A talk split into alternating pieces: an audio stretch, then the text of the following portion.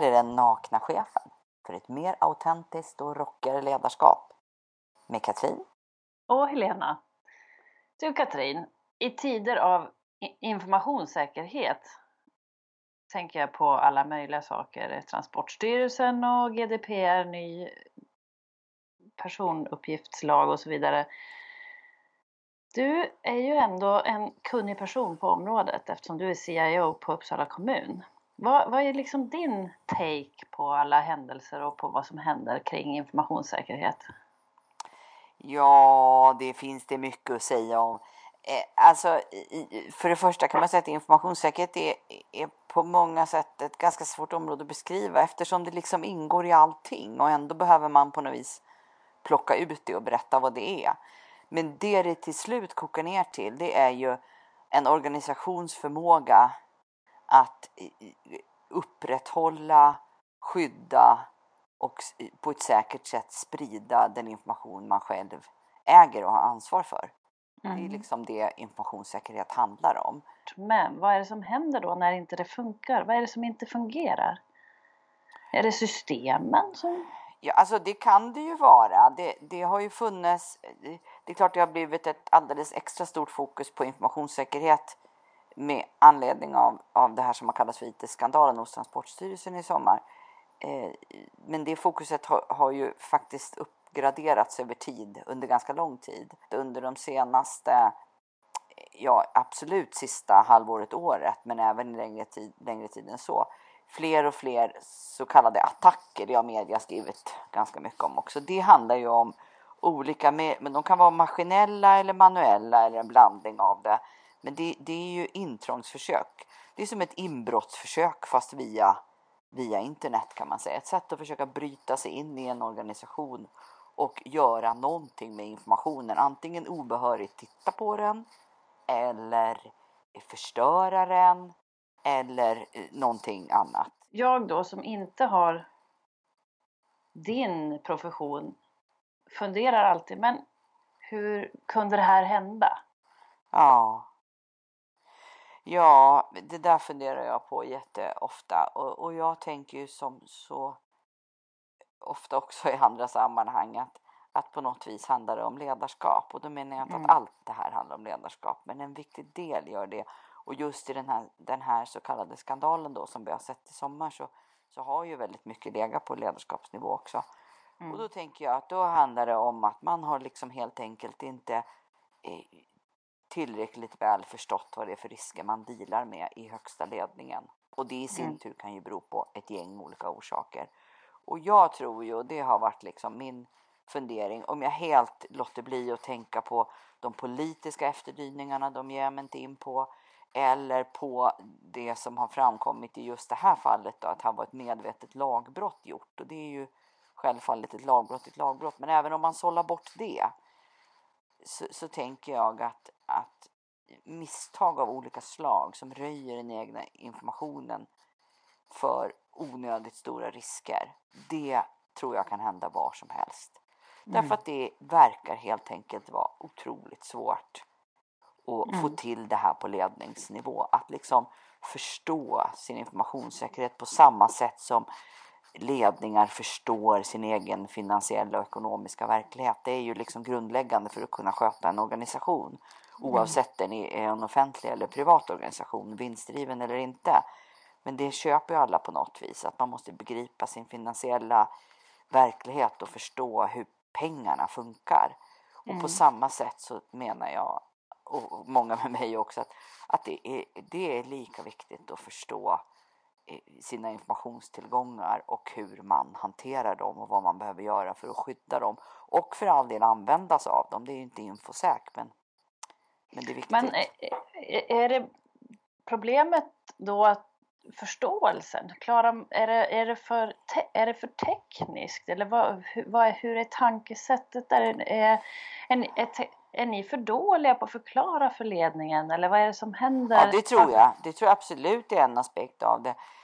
Jag, jag, tror inte att problemet är förståelsen. Jag vet inte om man kan jämföra den här, den här jämförelsen som jag gjorde med ekonomi. Om, om, om man skulle kunna jämföra ekonomi med informationssäkerhet, kan man då rakt av påstå att det ena är svår, svårare än det andra eller lättare? Nej, det tror inte jag.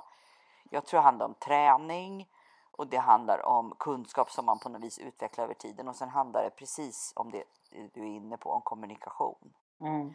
Och medvet alltså medvetenhet hos, sen, hos ledningen. Sen är, kan man väl säga, min känsla ibland är att man inte riktigt vill släppa in till exempel en CIO på samma sätt som man släpper in en CFO i ledningsgrupperna. Nej, oh nej, nej men alltså så ser det ut på jättemånga ställen. Mm. Alltså om man, CFO har ju en mycket, mycket mer självklar plats och, och den ska ju ha det, det är inte det. Men mm. det, det kanske också handlar om att det här, även om det inte är särskilt nytt längre, att lagra information digitalt har vi hållit på med under lång, lång, lång tid. Men, men vi har ju också ökat användandet av digitala lösningar. Det har ju ändå skett ganska snabbt och in i nya verksamheter. Så att jag kanske inte har hunnit kapp riktigt på ledningsnivå. Mm. Och, och, när du säger, har ni inte, alltså jag och mina yrkeskollegor lyckats förklara? Nej, men det har vi väl inte riktigt då. Det, det, mm.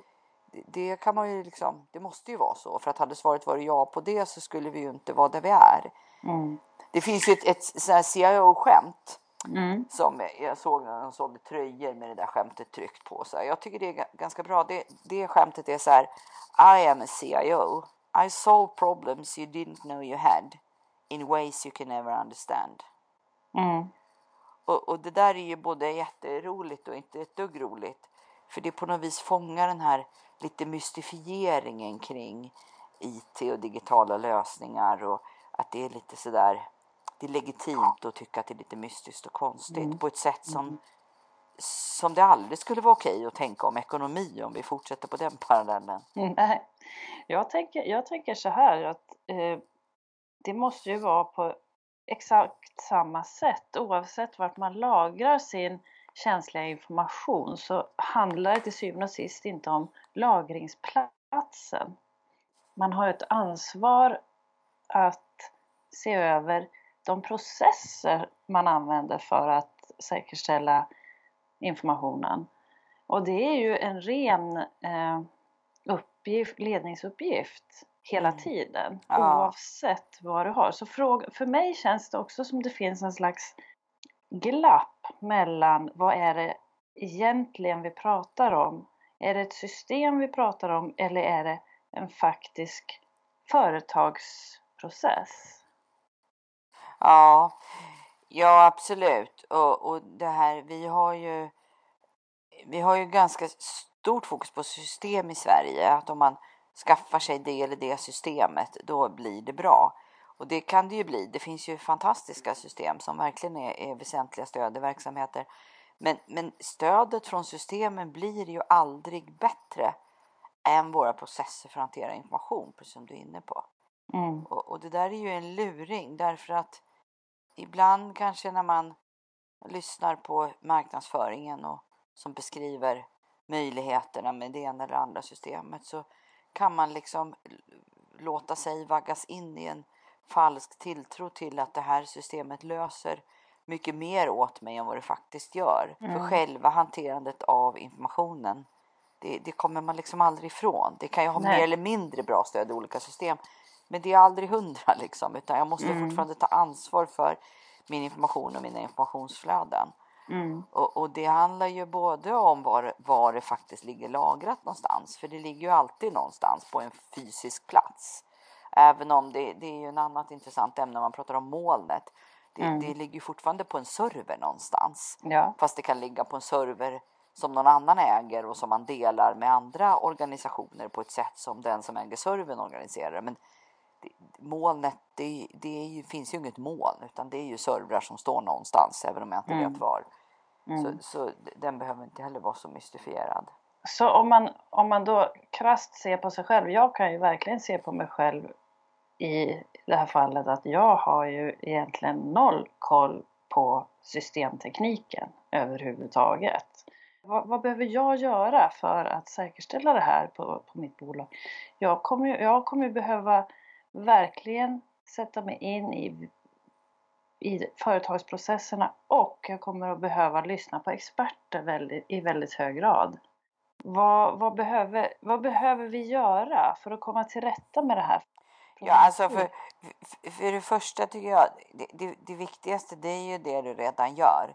Nämligen konstatera att här är det någonting mer jag behöver förstå Mm. och veta. Jag behöver mer kunskap. Det, det är ju ett steg bara det. I motsatsen till det skulle jag säga att det där har vi inte tid med. Det där måste IT-avdelningen fixa. Det, Mm. det tror inte jag på. Det finns massor med saker som IT-avdelningen måste fixa.